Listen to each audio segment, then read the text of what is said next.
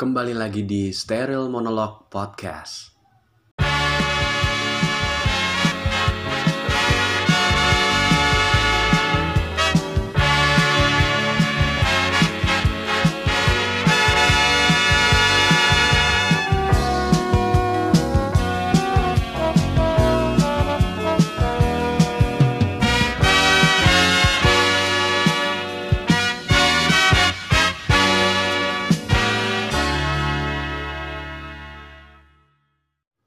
Gue sekarang ditanya eh, kalau misalnya ngisi survei gitu ataupun eh, apa gitu ya ataupun nggak survei lah ya kayak teman-teman gue pada nanya gitu teman-teman yang belum lama kenal gitu.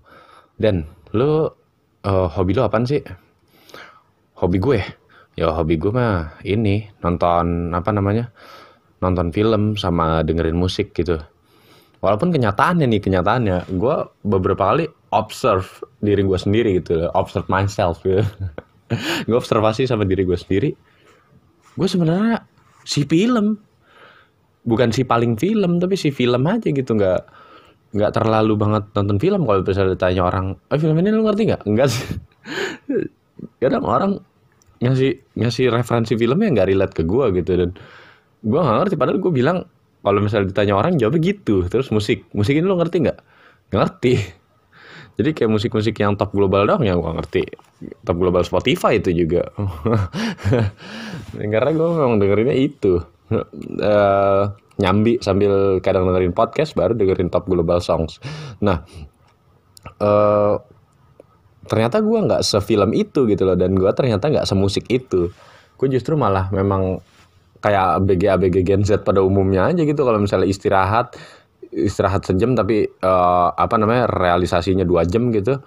Mereka kerjaannya cuma scroll scroll TikTok sama scroll scroll Instagram doang. Ya mana yang bagus pasti sama dia langsung di iniin di share ke IG story-nya gitu ataupun yang TikTok di save terus di share di status WA tapi yang relate relate sama dia doang gitu.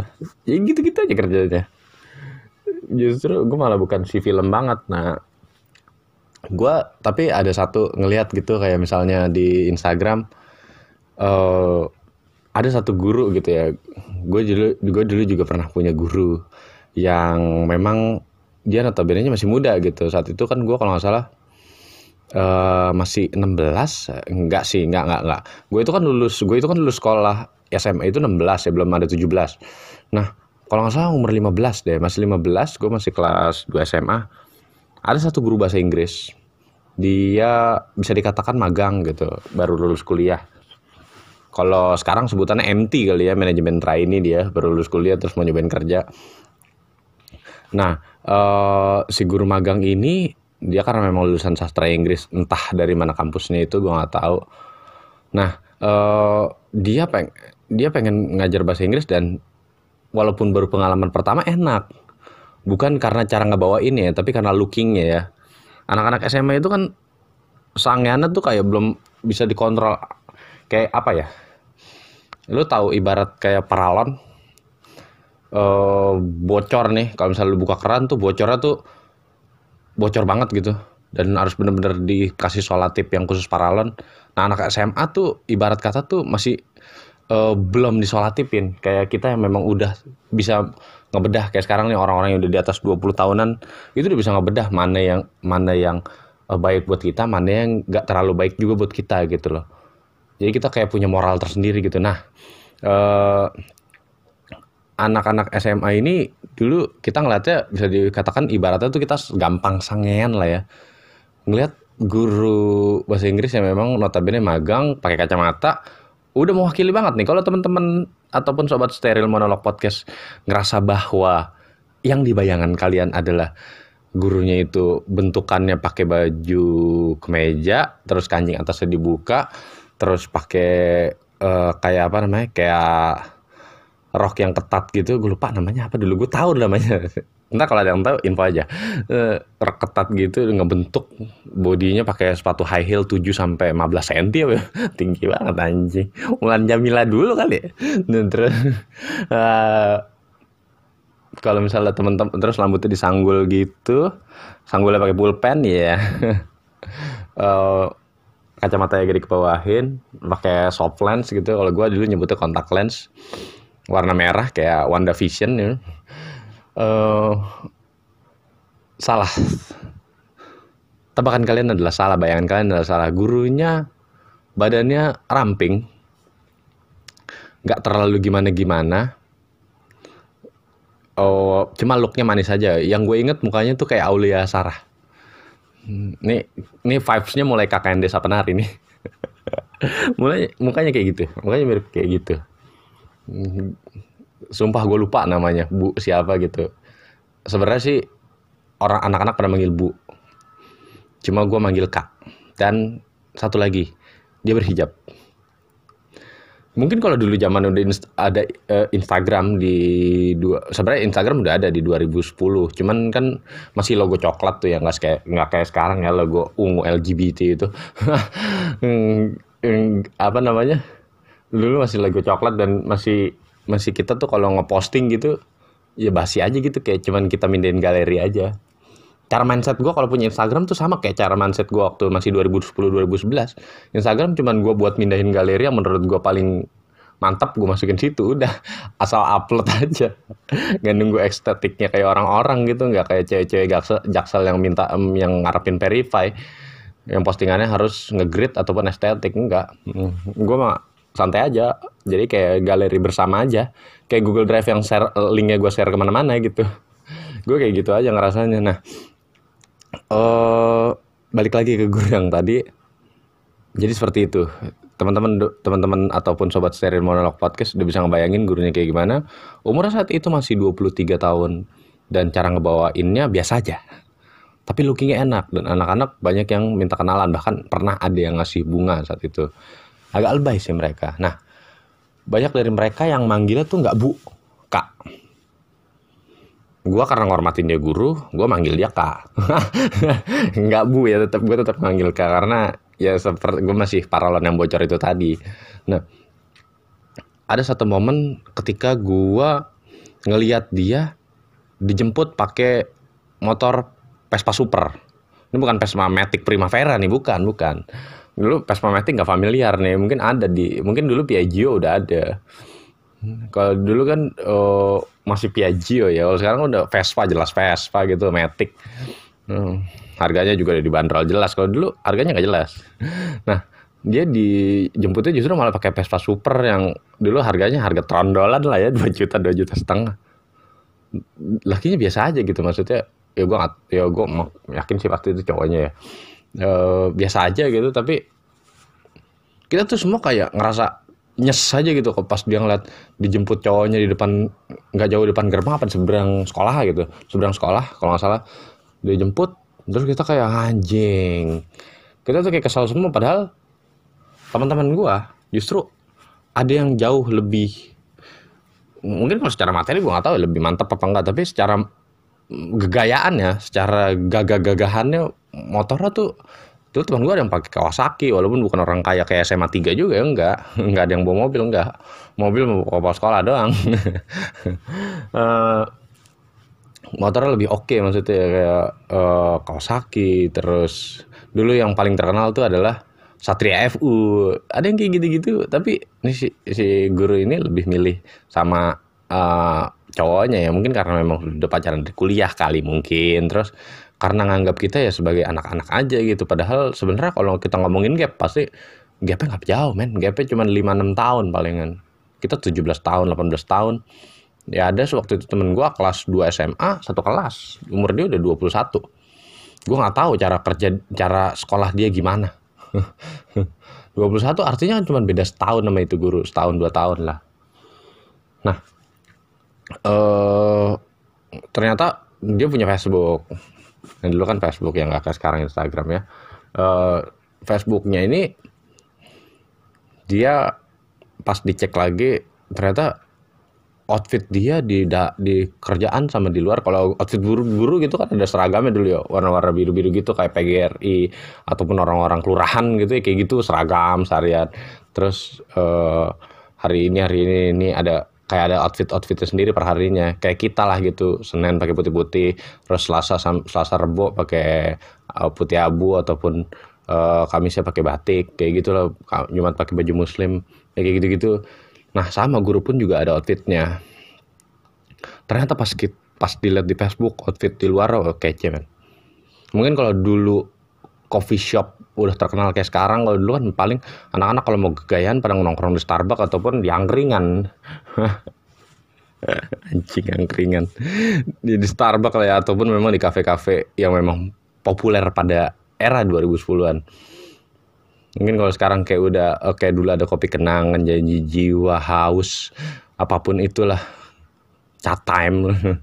Ya mungkin udah lebih ini udah lebih mantep lagi nih dia nge uh, outfitnya gitu nah justru gua ngerasa kayak uh, ternyata dia tuh beda gitu loh sama di kerjaan gitu. Di kerjaan dia uh, kalem mengayomi anak-anak. Bahkan waktu pada saat dikasih bunga sama salah satu murid kelas 2 sama kelasan gue juga kelasan gue badar-badar ternyata ya kasih bunga doang. Tapi emang beli beli real dia bunga. Gue gue gak tahu dia beli di mana. Mungkin beli kuburan kali. Biasanya kan begitu. Anak-anak kan berbloan beli bunga setangkai doang bukan di flores di kuburan. Hmm, dikasih setangkai doang. Akhirnya ya ya cia-ciain lah ya. Tapi ternyata outfit dia di luaran keren men. Sama kayak ABG ABG Jaksel yang kalau di kerjaan sekarang tapi di luaran tuh modis banget yang kalau postingannya selalu dicanggu gitu sama disminyak sambil floating float gitu lah ya. Nah eh, setelah gue mengetahui bahwa sekarang ternyata pas gue sudah ada di dunia kerja ternyata juga seperti itu gitu loh ternyata banyak orang-orang yang diem contoh kayak gue gue lebih gue lebih berusaha kayak mainin actingnya gitu ataupun uh, acting sebagai leader ataupun segala ataupun sebagai ya kita memikir bahwa kita juga punya bawahan gitu. Nah kita juga harus bisa ngeberi nge, ngebrief ataupun ngasih contoh yang baik ke bawahan. Walaupun ya sebenarnya aslinya gue ya seperti ini. Bobrok seperti yang lain-lain ya sama gitu. Nah uh, kita tuh terkadang ngerasa kayak kita tuh beda banget gitu loh di kerjaan sama di rumah gitu sama aku tuh beda dengan yang di kerjaan. Bedanya ya karena kita memang mau mainin actingnya tapi eh, pada saat di rumah ya kita menjadi diri sendiri. Kita belaga-belaga sok kuat di kerjaan padahal di rumah disiksa sama keluarganya sendiri. Bagi yang istri-istri biasanya can relate nih jadi uh, selalu disakitin sama suaminya pantesan kerjanya di eh pantesan di kerjaan kerjanya cuma curhat masalah rumah tangganya. Gue tuh punya soal laki tuh kayaknya gini-gini banget. Gue perdebatan. Anjing kenapa nggak kenapa enggak lu omongin sama laki lu? Kalau lu tuh nggak fit sama sama hubungan lu gitu loh. Apa kenapa? Apa lu takut karena uh, takutnya malah makin berantem hebat? Atau karena uh, hubungan seks lu tuh udah gak berjalan mulus lagi atau karena lu juga mikir anak biasanya karena karena kayak gitu-gitu dah. Nah udah gue juga udah tahu banget uh, kalian berumah tangga jadinya gue juga pernah merasakan berumah tangga jadinya gue tahu apa masalahnya. Pasti nggak jauh-jauh ke situ.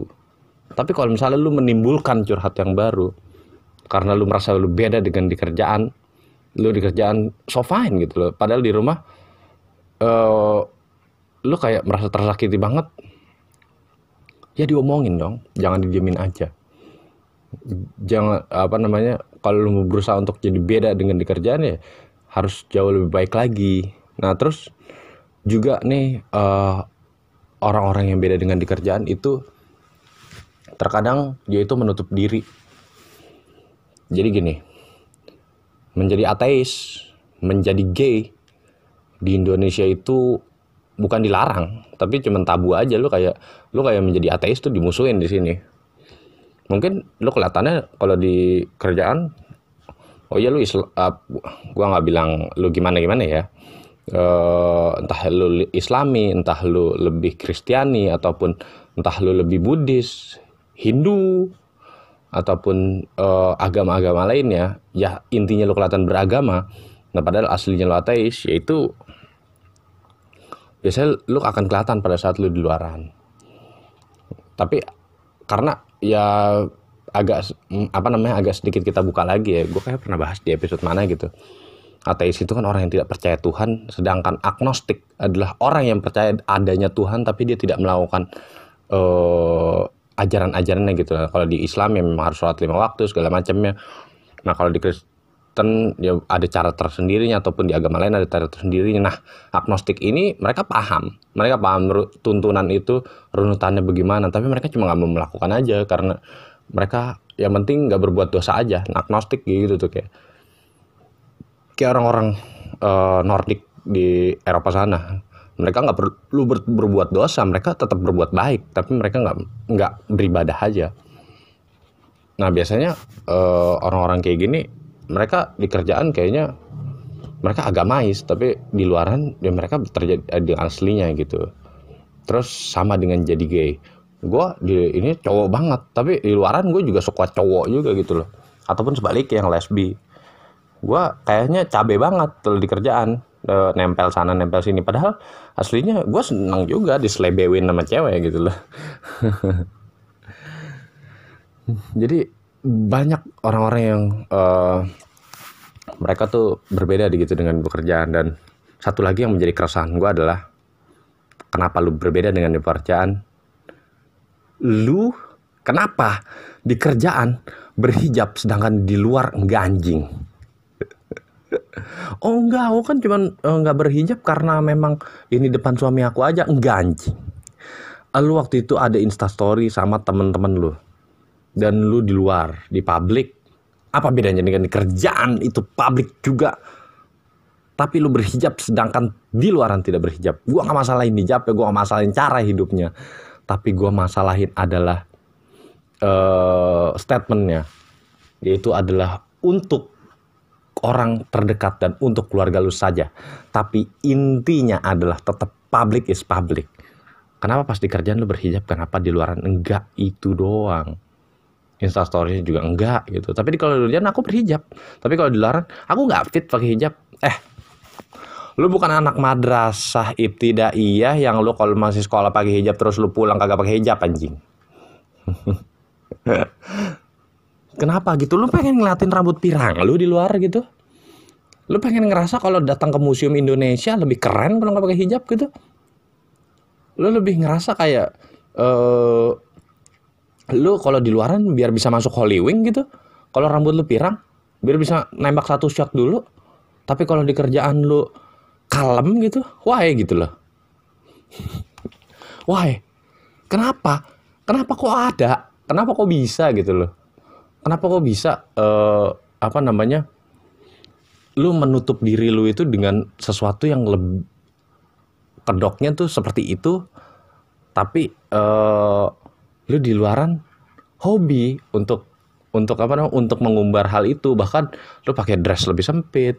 Udah fix lu bener lo fix lo anak madrasah tidak iya lo kalau cara berpikir kayak gitu lo uh, di kantor ngomong adem di luar ngomong fuck you gitu. Emang fuck you lo